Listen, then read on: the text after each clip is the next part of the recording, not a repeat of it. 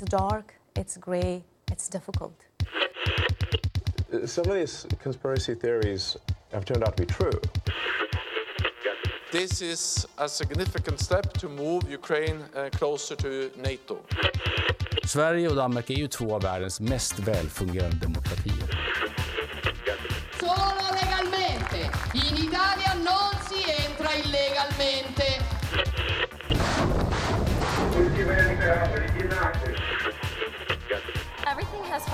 Place. I feel really good about where I am right now. Fredrickson of Denmark and uh, the Min- the Ministry of Koma, daughter of Ireland. Do you guys ever think about dying?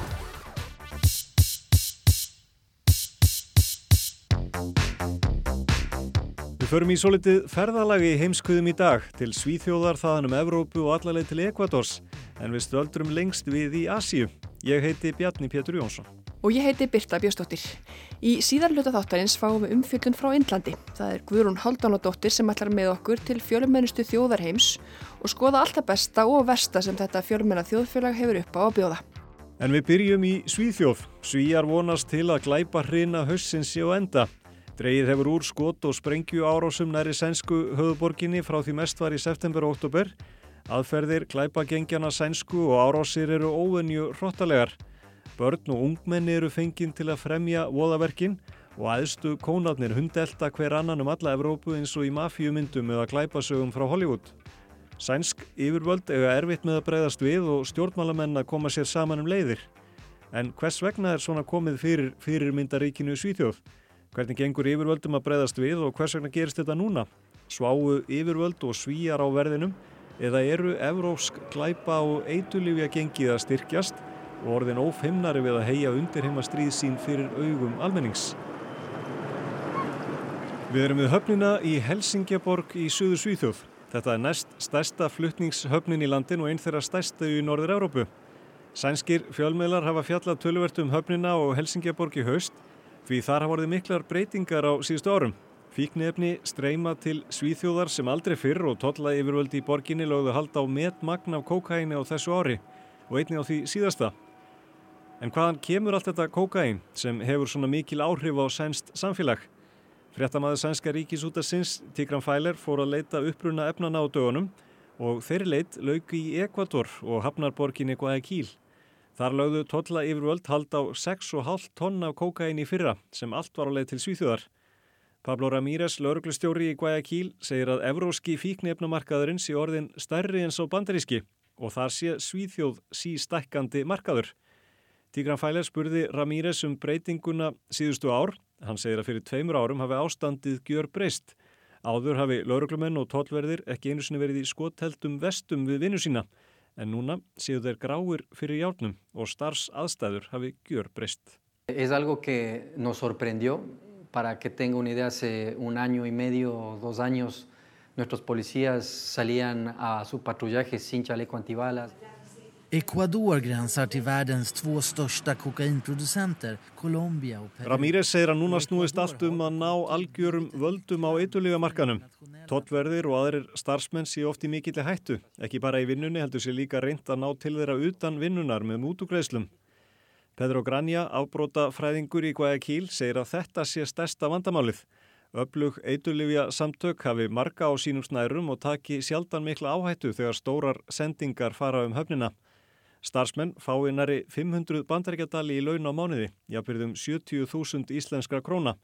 En eitulifjagengin eða ekki neinum vandræðum með að bjóða tífalda þá upphæð. Estado ecuatoriano ha sido desbordado prácticamente. ¿Cuánto gana alguien que trabaja en, en el escáner del puerto? ¿Cuánto crees, ¿Cuánto crees que gana? Pedro Granja segir Ekvator í mjög slæmri stöðu og það virðist vera frekar auðvelt fyrir evrósk eitulífasamtök að koma stórum sendingum á stað yfir hafið. En það verður floknara þegar þangað er komið, þó sömu aðferðir síður reyndar að bjóða tollvörðum mútugreislur. Martin Pettersson, tollvörður, segir að slík mál, þar sem starfsmenn reynið að fela fíknefna sendingar, komi reglulega upp í höfninni i Helsingborg. Men vi har ju haft ärenden som visar på eh, insider helt enkelt. Så hamnanställda var med och gömde undan lastbilen med narkotika. Och det är ju inte bara hamnar, det är ju attraktivt att kunna få in Hann segir staðsetningu hafnarinnar mjög ákjósanlega og það sé líklega ástæðan fyrir því að hún verði æg oftar fyrir valinu. Þar sé stutt til Danmerkur og þaðan til megi landsins þar sem kokainið sé fljótt að hverfa. En yfirvöldum sé þó hægt og rólega að takast að breyðast við. Det finns ju faktorer till varför det har blivit i Helsingborg som är det stora navet för frukt och grönt eh, för norra Europa. Du har ju båtarna som går mellan Helsingborg och Helsingör men sen har du även Öresundsbron. Martin Pettersson, tollvörður, segist á tilfinningunni að stoppa það við verið í mörg gött í Helsingaborg og glæpamennir séu farnir að færa sig annað. En það er alveg ljóst að kókainið kemst til Evrópu því eins og við fjöldluðum um í heimskuðum í vor hefur flóð kvíta duftsins til Evrópu sjaldan eða aldrei verið meira. Árið 2021 lögðu Európusambansríkin halda á rúmlega 300 tonn af kókaini og það var enn meira í fyrra og líklegt að eitulífja viðskiptin hafi verið blómleg síðustu ár því glæpa og eitulífja gengin stækka hratt og áhrif þeirra aukast. Átök glæpa gengja hafa líklega hverki verið eins ábyrrandu í Svíþjóð síðustu mánuði og þau tegja sig um allt samfélagið og margir áhrifavaldar, þeir sem eru ungir og frægir eru í miklum tengslum við undirheimna. Eina, 50, månglig Hey min broder det är fest ikväll, ingen stopp. Den här guzzen hon är speciell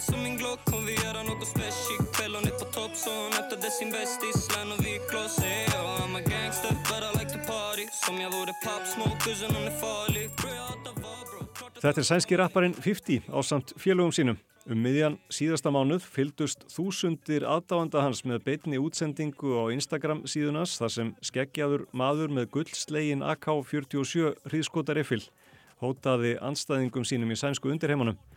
Það var Mustafa Benzema Al-Tiburi, eitt leðtoga Foxtrot glæpasamtakana sem býra þér talið er í Írak og hótaði þar að taka af lífi anstæðingar sína í Svíþjóð ekki aðeins innan glæpagengina, heldur líka til dæmis saksóknara í landinu.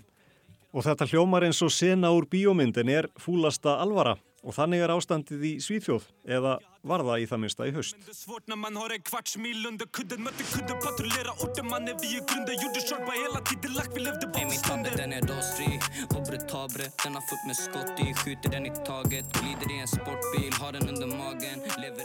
Það sem afir ári hafi verið gerðar vel á fjörða hundrað skotárásir í Svíþjóð og 48 þeirra voru mannskeðar. En helsta byrtingarmynd átaka glæpa gengjana, sérstaklega á setin hluta ásins, hafi verið sprengjuárásir. Yfir 140 slíkar hafi gerða það sem afir ári. Stjórnvöld hafa reynd hvað þau geta til að breyðast við en eru mörgum árum og eftir því sem er að gerast í undirheimanum. Innan úr dómsmálaráðunitinu heyrist að þessi vandi hafi verið hunsaður árum saman en hægri stjórn tók við í Svíþjóð fyrir rétt rúmu ári eftir ára langa stjórn miðjú og vinstrimanna. Daniel Bergström, ráðgjafi dómsmálar á þeirra, segir að það hefur þurft að breyðast við þessari stöðu fyrir tíu árum. Það var ekki gert og svíjar súpa segðið af því í dag. En það er ekki tilviljun að Bergström tali um tíu ár því ríkistjórn Stefans Löfven tók við 2014 og heldum stjórnartaumana til 2021. Framan af stjórnartíð hans fjölgaði innflytjendum til muna í Svíþjóð og því hefur þið haldið fram að stjórn hans hafi brúðist í innflytjendamálum. Ekki sett nægilegar hvaðir á hversu margir mættu koma og ekki tryggt eða beitt sér sérstaklega fyrir því að þeir sem koma aðlægist sænsku samfélagi. Flestar árásir hafi verið gerðar í nágrenni Stokkólms. Í Hasselby, einu útkverfa sænsku höfuborgarinnar, býr Huifeng Tien sem flutti frá Kína til Svíþjóðar fyrir tæpum tveimur árum. Hún rekur lítinn veitingarstaði í hverfinu þar sem ungmenni úr glæpagengjónum eru tíðir gestir. Hún segist vera farin að óttast um öryggi sitt. Það hafi gest æg oftar í haust að ungmenni hafi stólið einhverja á staðnum eða neitað að borga fyrir matinn.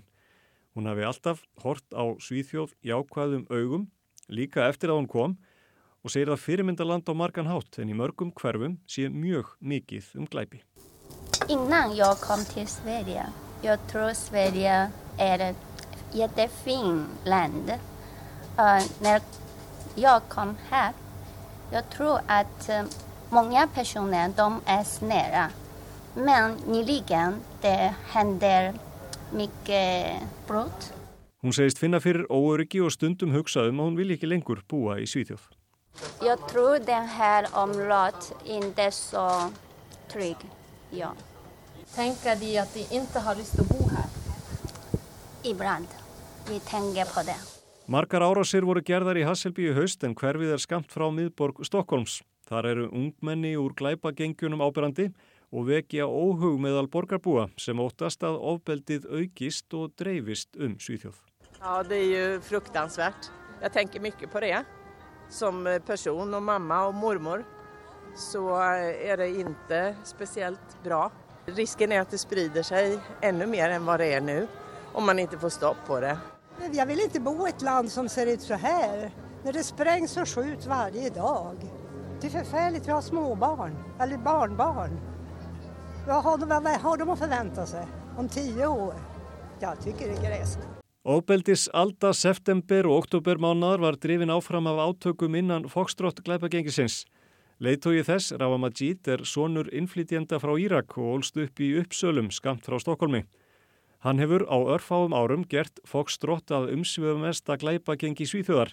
Engin samtök komast nærið þeim í fíknefna innflutningi og dreifingum og þau hafa lagt undir sig að saminast smærri samtökum og hafa því mikil ítök í sænsku undirheimanum.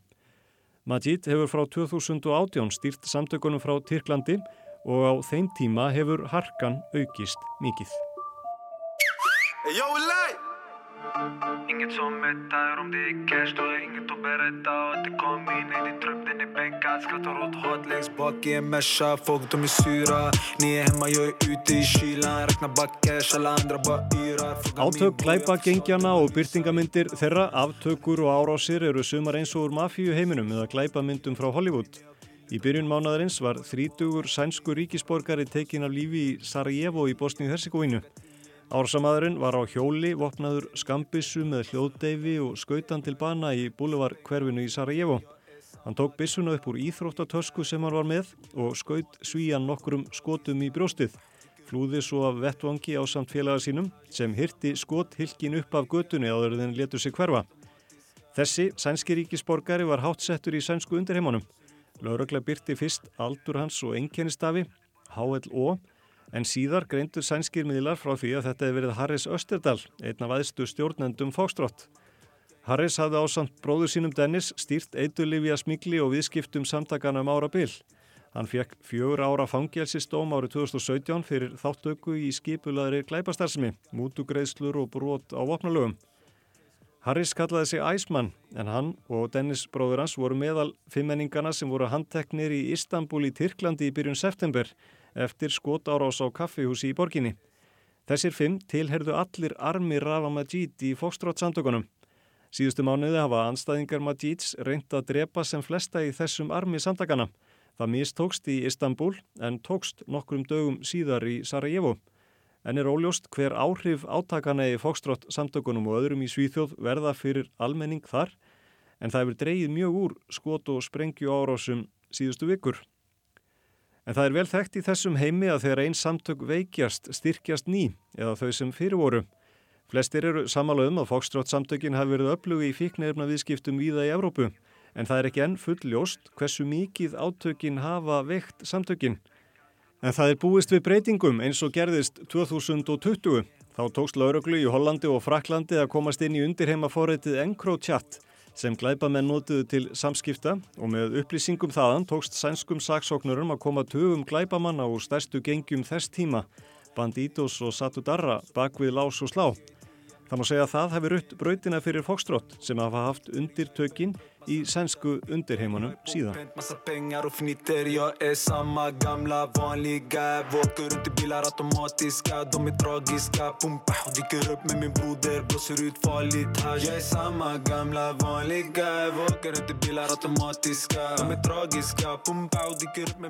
Og það er óvist hver áhrif þessar átaka verða en svíjar fagnar því að mista kosti að árásum hefur fækkað mikið frá því sem var í september og oktober.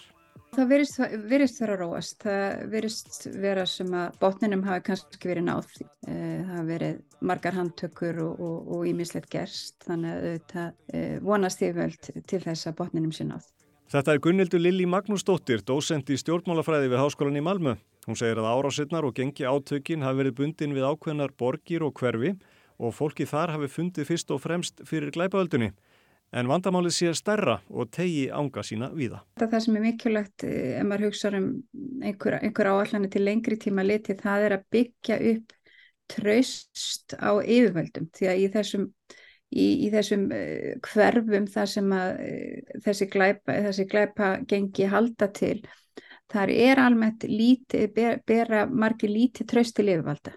Það er erfitt að fá fólk til þess að vittna, það er erfitt að fá fólk til þess að vinna með lauruglunni en það hefur auðvitað líka með það að gera að fólk er hrætt, fólk er hrætt við, við hendaraðgerðir glæpagengjana. Glæpa aldan hefur reynst ríkistjórn Úls Kristersson erfið en hann bóðaði aðgerðir til að breyðast við í haust. Hann sagði að þetta var ekki nýtt vandamál og það hefur þurft að breyðast við fyrr en stjórn Kristerssons tók við í fyrra. Þar áður höfðu jafnaðamenn verið við stjórnvölinni í tæpan áratug. Hann sagði að jafnaðamenn hefðu brúðist í innflytjandamálum, sérstaklega að tryggja þeim sem kæmu til svíþjóðar, svipu tækifæru og svíjum. En þegar glæpa aldan reys sem hæst og skota árósir voru gerðar dag eftir dag, þurfti bráða aðgerðir. Þá kallaði Kristersson herrin til aðstóðar eða veitti lauruglu heimil til að óska eftir aukinni aðstóð hersins. I ett andra steg så måste lagen ändras och ge polismyndigheten större möjligheter att efterfråga hjälp där Försvarsmakten har kompetens i situationer som inte täcks av dagens lagstiftning. Þá eru líka áformum frekari breytingar, til dæmis aukna vitnavend, frekari heimildir til lerana og bætta samvinnunan kervisins, til dæmis milli skólakervis, barnavendareifvalda og lauruglu.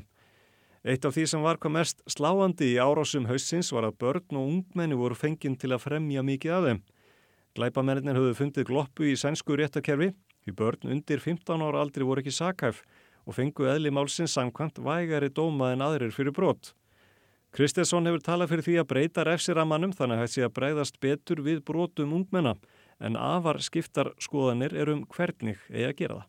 Þetta er langtíma verkefni en ég geri, það er nú alveg nokkuð góð samstaða um það að þurfið þetta að taka á, á gengjamálunum. E, breið samstaða um það þó að kannski aðferðnar sé eitthvað, eitthvað mismunandi en ég geri nú alveg ráð fyrir því að, að vissar aðgerir munu, eða vissar tillögur munu fari gegnum þingið. E, til dæmis auki fjármang til öðruglu. E, annað sem er kannski erfiðar að koma í gegn til dæmis aukna heimildi til hlérana, vittnavernd og annað slikt en, en ég ger ráð fyrir að það veri fundin einhver málamilin þar. Þeir sem vilja ganga lengst kannski með, með svíþjóðdemokratana fremst í blokki koma örglega ekki öllu sínu í gegn en, en einhvers konar málamilin e, með einhverjum aðgerðum held ég að við höfum örglega að sjá á, á næstu mánuðum. Gunnhildur segir líklegt að það er eftir að taka mörg ára að sjá hvort aðgerðir stjórnvalda skili þeim árangri sem vona sér eftir. En þetta sé ekki eitthvað sem byrjaði í haust heldur eigi sér dýbri rætur í sænsku samfélagi. Ég hugsa að núverandi stjórnaranstaða með, með jafna menni í, í fremsta í flokki og, og núverandi ríkistjórn þessi, þessar blokkir benda hvora aðra og í raun og veri bera kannski allir flokkar einhver ábyrð hér. Um, og þegar kemur að innfléttindamálanum það er erfitt að sjá hvað, hvað tillögur til dæmis gæti myndu fara í gegnum þingið. Það hafa til dæmis komið til, tillögur frá Svíþjóðdemokrátunum um að, um að hérna, herða alls konar reglur kringum landvistaleiði um, vísa fólk úr landi á, já, kannski við fyrsta brot jável Um, og það já er auðvitað með að sjá að það myndi til dæmis gang uh, fari gegnum þingið. Þá er afar umdelt að breyta refsilögjöfinni svo hætti að dæma ungmenni til lengri fangelsisvistar. En það er ljóst að það eru hræringar í sænsku samfélagi og óvinnilegt að fyrirmyndaríki eins og Svíþjóð lendi í vandraðum sem þessum. Gunnhildur segir vandan markþættan og flókin en eitt sé víst, bæði svíjar sjálfur og stjórnvöld hafi sofið á verðinum og ekki átt að sé nógu snemma á því sem var að gerast. Ég held að það er svo sem allir verið raun og verið uppgandi í, í, í haust, í, í september og oktober. Þetta var þetta ekkit eðlilegt ástand og það er og verið skipti kannski ekki máli hvað hva þau bjóst. Það voru allir uppgandi en þetta kannski fólki sem býr í þeim, hver, í þeim hverfum það sem var verið að sprengja og skjóta er þetta þeir sem kannski eru hrættastir. En ég held að svona hinn almenni borgari líti ekki á þetta sem eðlilegt ástand. Og stærsta ski, spurningin sem er erfiðast er að svara þessi fjölgun skotarosa, þær voru bara einna flestar í Svíþjóð fyrir kannski áratug, er orðnar einna flestar núna. Hvers vegna er það? ég veit ekki, ég er ekki sem ég geti svarað því sko, þetta er náttúrulega kannski eitthvað meira fyrir afbrótafræðinga svara.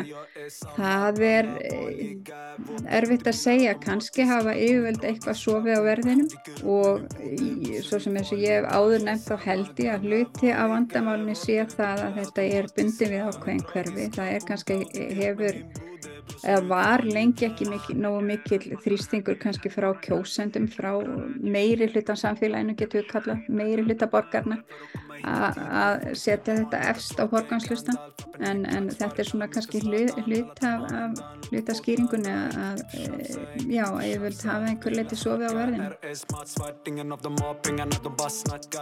Indverjar náðu þeim merka áfanga fyrir á þessu ári að verða fjölmennasta þjóð heims og mörgað efnuðustu löndum heims keppast við að koma á viðskiptum við Indland en það hverki í heiminum jafn mikill hagvöxtur og þar. Það er ekki hægt að fullir það eitt eða neitt varðandi Indlandi það er hægt að finna alltaf besta og um leið alltaf versta í einu og sama ríkinu. Landa sem upplýsinga óreiða og um leið hatturs orðræða í garð minnilutahópa fær að blómstra og dapna í skugga þjóðinsflokks hindúa. Guðrún Haldunadóttir fer nú með okkur til Indlands. Blúsandi hagvöxtur lofa fyrir líðræði og mannréttindi að fórsetta bandaríkjana. Þetta er fjálmennasta ríki heims. Við erum að tala um Indland. Land sem telur 1,4 miljardar íbúa og þeim fjölgar hratt. Í raun má segja að þeim fjölgi um sem nemur íslensku þjóðinni hverju viku. Hávaði og áreiti er eitthvað sem allir upplifa þegar þeir heimsækja Indland í fyrsta skiptið og umferðamenning stórborga er þannig að það að þeita bílflötu er eins konar þjóðaríþrótt. Gangbröðarljós þekkjast ekki og þú getur átt von á að kýr og hundar reyna að fylgja þér yfir sex akreinar að þéttir umferð að sem allir likja á flautunni í bókstallegri merkingu. Þrátt fyrir margar miljónaborgir býr mikill meiruluti landsmanna í dreifbíli og flest þeirra sem er á vinnumarkaði starfa í landbúnaði eða eru daglunafólk. Hluteld kvenna á vinnumarkaði miklu minni en í flestu ríkjum heims eða aðeins 20%. Það sem meira er, þeim fer fækkandi og skiptir þjóðfélagsstaða þeirra þar litlu. Staður konunar er heima, er viðkvæðið hjá mörgum. Fregnir að skjálfilegu kynbunnu ofbeldi hefur ítt undir þessa skoðun margra eindverja. Hver mann ekki eftir fréttum á hrottalegu kynferðislegu ofbeldi garð ungra konu í deli árið 2012 þar sem að hópur Karla réðst á hann í strætisvagni og nauðgæðinni. Ofbeldið leti til dauða ungu konunar. Og hún er ekki einn því ótelendi fréttir hafi verið sagðar að kynbunna ofbelda á Indlandi og aðeins brota brota þessu fréttum rata úr landi eða milli hér aða innanlands. Þetta ofbeldi talin ein af ástæðum þess að vestræni ferðamenn er ekki eins ábyrrandi á Indlandi og ætla mætti. Indland skipar sjönda sæt á lista Forbes tímaritsins yfir fallegustur lönd heims. Á sama tíma er verðlag afarhagstætt fyrir evróska og bandariska ferðamenn, svo ekki sé talað um hvað enska er tölu víða.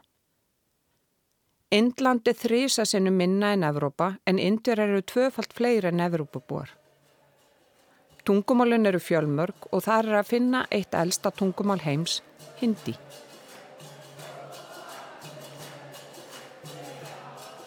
Mikill meiruluti indveri er hindu að trúar eða áttaða hverjum tíu. Hinduism er mjög fór trú og í henni blanda sama þúsundu góðsagna, heimsbyggjikenninga og síða sem hafa orðið til á Indlandi síðustu 3000 árin eða svo. Hindu að trúa því að allar sálir séu fastar í ringgrás endurfæðingar. Sál getur endurfæð sem manneskja, dýr eða guð og tilgangu lífsins er að komast út úr ringgrás endurfæðingar og saminast braman sanga því sem kemur fram í upplýsingagáttinni áttaviti.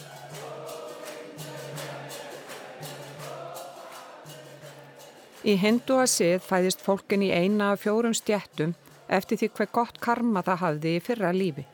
Hver stjætt nýtur mismikilla virðingar og réttinda þar sem bramýrarnir, hinn er heilugu, tróna á toppnum, en þjónar og verkamenn er á botninum. Þar að auðgerti fólk sem fæðist stjættlaust og er dæmti fátaktar og gödulífs.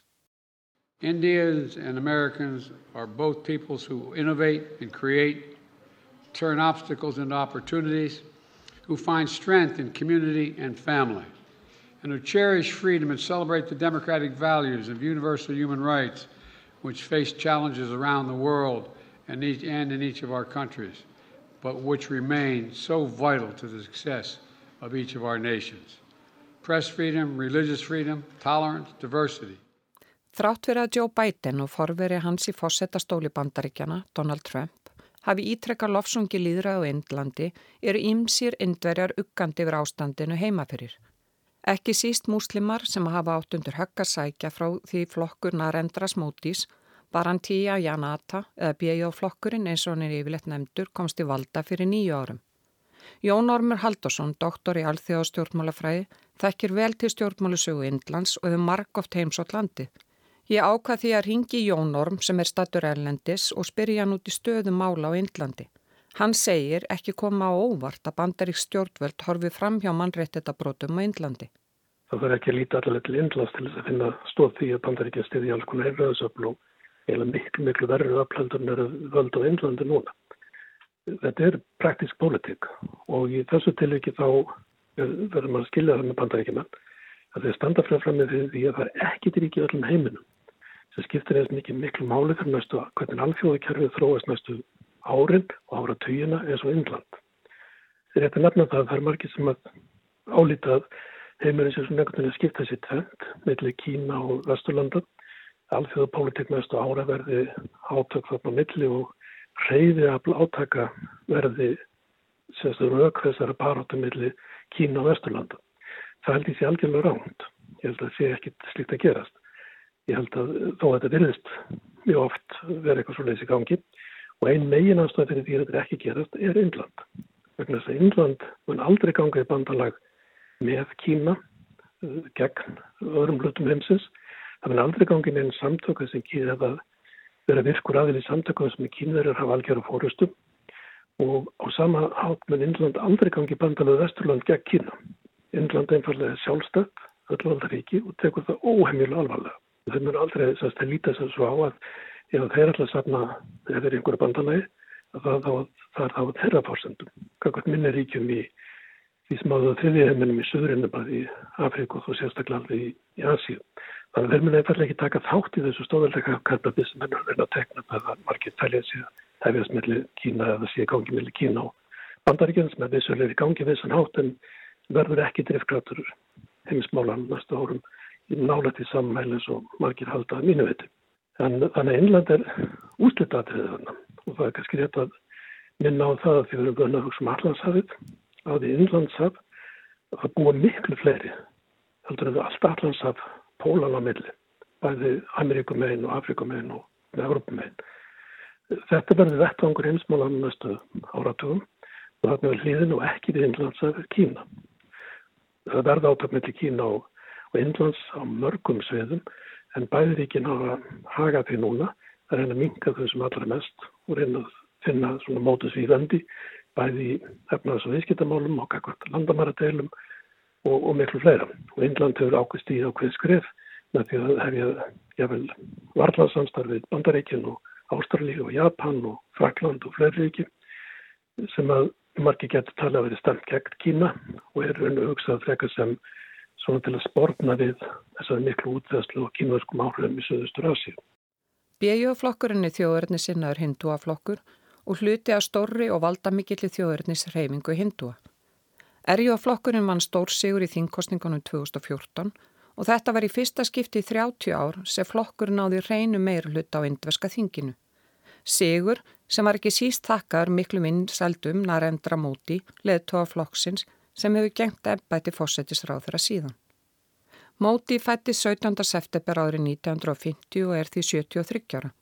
Hann ólst upp í Gútsjórat ríki og var ráð þeirra þess þegar hann leti erjóð flokkindi Sigus fyrir nýju árum.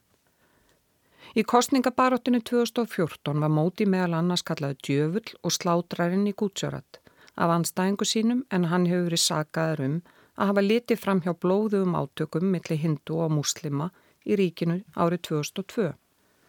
Á sama tíma var honum hælt fyrir ímislegt annað, svo sem bætta stöðu gútsjórat efnahagslega.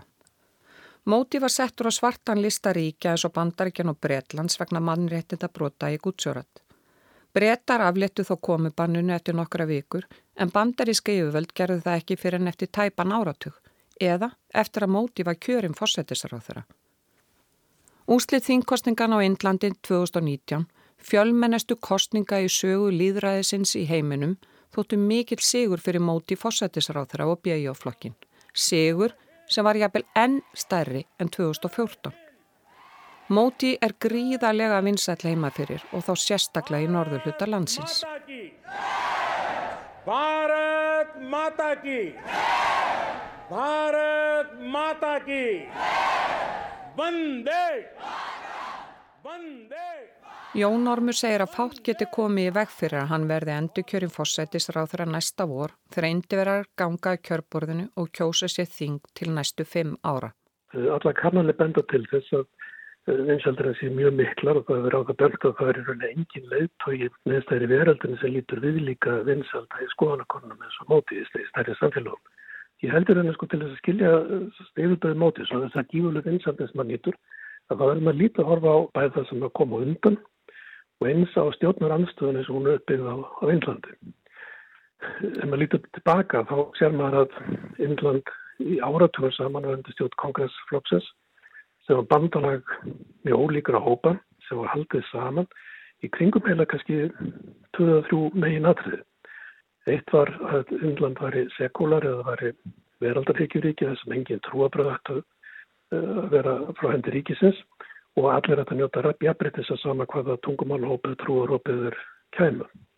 Þetta var svona óskafurlu og teltulega vel samþygt. Síðan var þetta nota Gandhi-ættinu eða Nero-ættinu Palle sem eins konar stimpil á þetta, eins konar svona bara fána sem allir getur saminast um.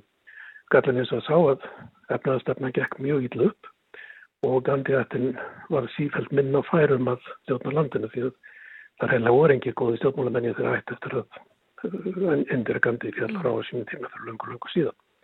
En ef við lítum til þess að sko hvernig þetta blasir í hundveri sem horfaði kringu sig, að þá markfaldast efnahagur Kína og sama tíma eins og stendur nokkur inn í stað að vext til til að lítið á Englandi, vext bara heldur meira fólksfjölkunum. Og síðan sjá mann landinnan í kring, Söðustur Asíu sem er mjög náleg Englandi og eru undir endursku menningaráhrifum og fólk veit mjög vel af. Hvert ríkið öðru geysist frá mann Englandi og verður að uh, tilturlega þannig staðum ríkjum og nær sér upp á fátækt. Þannig að þetta er samanbúrinu sem inderska þjóðin hefur ákveðin tíma. Það var fyrir að ganga miklu betur í efnaðarslífinu undir alveg lók stjórnundið kongressflokksins. Það var mjög öflugur stjórnmálum að þá sem að stýrði flokknu þá. Og uh, hann opnaði hægkerfið. Þetta var kerfi sem að byggði á gífurlega viðtækum leifisveitingum sem að buðun og hlutin allir upp á alls konar spillingu og síðan á miklum hamlum og innflutningi sem gerði verkum með mikil óskilvirkni í hagkerfinu og síðan eiginlega banni og ellendri fjárfestingu sem gerði verkum að ekki nýsköpun í kerfinu. Þetta er það sem að blasi við almenningi þegar að móti kemur til. Þannig að hann er eitursnjall stjórnmálamöður sem kann betur nokkur síðan sér til að spila á výtæka fordóma og fordóma mjög ólíku tægi hjá almenningi Áherslan á þjóðurnisíkju hefur alla tíð reynst móti gott veganesti og hafa stuðnismenn hans nýtt tæknina til að breyða út bóðskapin. WhatsApp samskiptaforriti er þeirra helsti vettvangur en um hálfu miljardur indverja er með aðganga WhatsApp. Þar hefur hatusorraða í gar múslim að blómstra og upplýsinga óreiða er áberandi án afskipta þeirra sem eru við stjórnvölinn í landinu.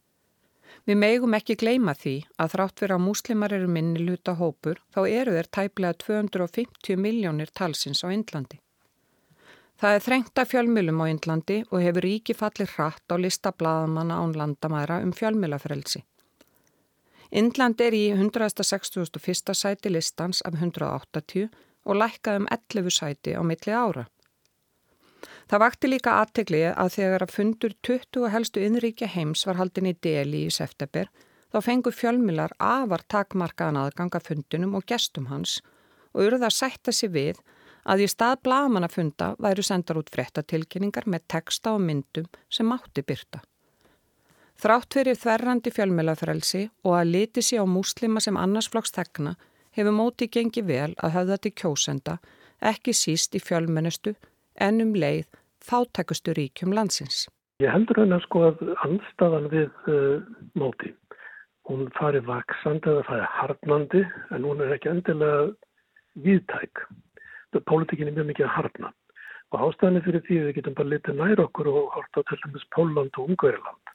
Sem móti hefur verið að gera á Englandi og reyna Trump lutt til í bandaríkjónum að það er þetta að reyna veikja allar stofnanir landsins, veikja fjölmela hundelta gaggrínendur hefna sín öll sem að, að, að gaggrínan og þrengja allan átt að, að domstólum og að öllu, öllu stopnum í raunni ríkisins sem er ekki undir hans hæl. Og þetta er, er náttúrulega mjög margir sem að berðast með hart og ítlaði þessu. Þannig að það, sem stafsna kallaði það sé að hartna frekar nefn til að vera vittakar. Ég held að það er kosin aftur maður stárum en að halda meirulöta. Eins og Jón Ormur segir þá móti ímislegt sameigilegt með öðrum populistum.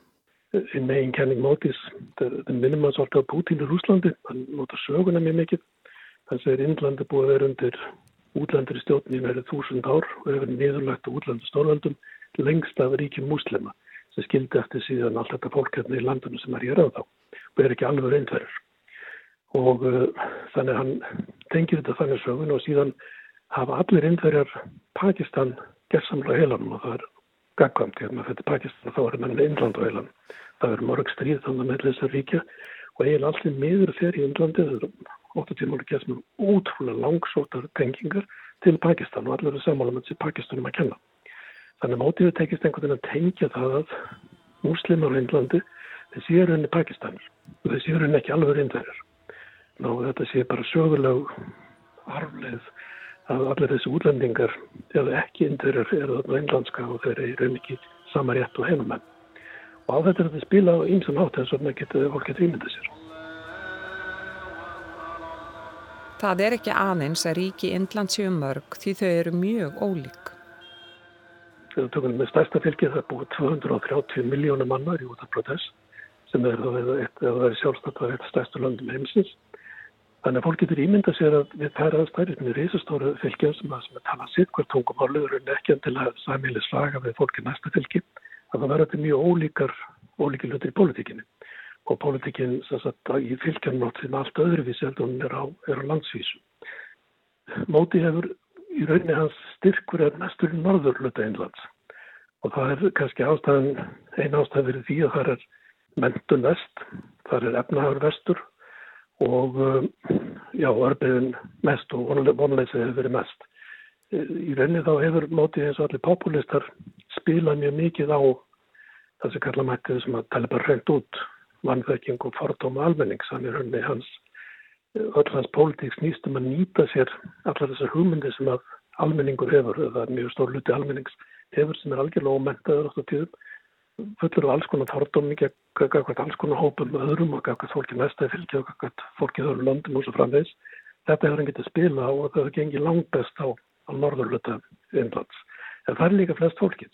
Þessi rísa fylgi eins og út af Bradessi nefnum með 230 miljónu íbúa, Bíhar með 110-20, Vesturbengal með næri 100 miljónu. Þetta eru, rísa stórar einingar sem hann hefur náð uh, miklum árangri.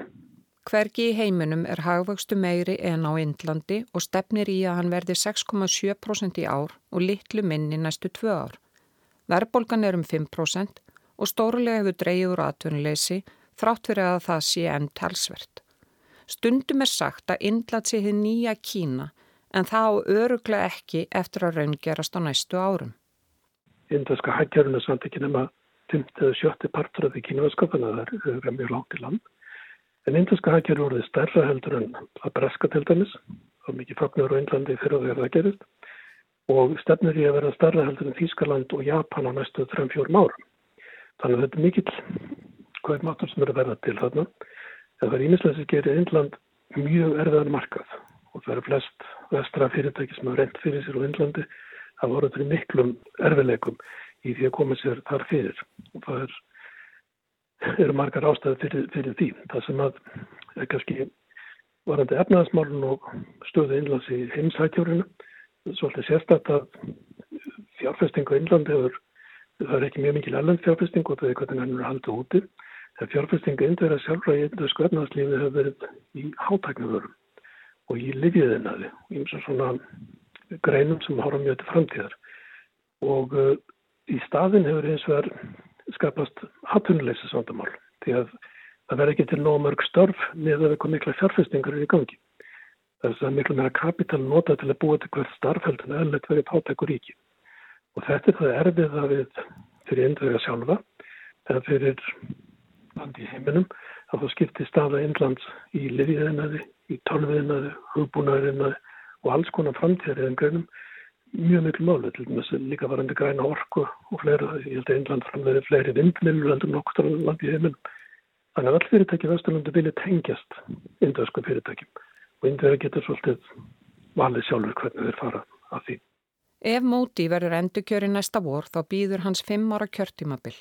Nái hann að ljúka því verður hann 78 ára gammal og sá sem hefur setið næst lengst samfelt í stóli fósettisráþara Índlands. Aðeins Neru sem var fyrst í fósettisráþara landsins hefur setið lengur. Vonandi hefur þú hlustandi góður orðið einhvers vísar um þetta fjölmennesta land heims sem er eins og heimurinn í hnótskurð. Við skulum leifa Jóni Ormi Haldósinni eiga síðast orðið. Indlandið svolítið þannig að þú finnur það besta og það vestan. Sjálfum manni alltaf þetta því þegar ég horfið stóði þortu á Englandi og horfið að reyna steinöld, reynið fyrir fram á við, bara tungur og steinöld og engi skólu og ekki neitt. En ef ég snýri mér í hálfring þá sá ég kjarnmörkuveð sem aðri byggti endurinn sjálfum. Þetta er allt frá Englandi. Þau senda genfart til Mars og til tungsins og annað slikt.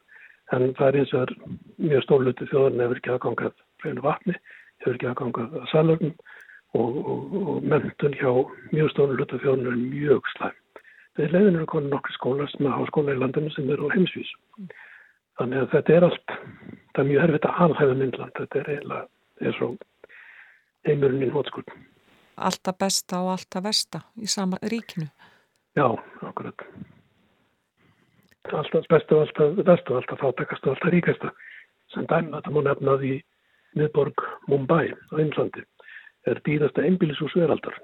Það eru på 27 hæðir.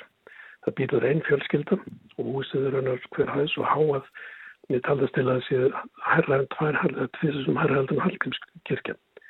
Og í þessu mikla húsi þá eru 600 mann til að hjálpa til við heimilistörfin en 5 manna fjölskylda sem býr þarna. Útsýnið af þessum hæðum er yfir einhver stærstu fátakakvæði veraldar. Það sem að smápenningar, algjörði smápenningar, getur áðið hvort að fólk nær mentun, hvort að nær sæmilegri hilsu eða ekki. En þetta er vaksandi dæmum þetta á Índlandi, eru svona stórkostlegan lífskjara gjá. Tunglíðu virðist að færa síðan meir í hendur á tilturlega fáum rísastórum öðringum sem hefur fjölskyldu fyrirtækja á meðan að almenningur sem betur sveltur ekki eins mikið eins og áður en, er bláfátakur. Þetta verða að loka orðin í heimskviðum þessa vikuna. Við verðum hér aftur á sama tíma í næstu viku. Takk fyrir að hlusta.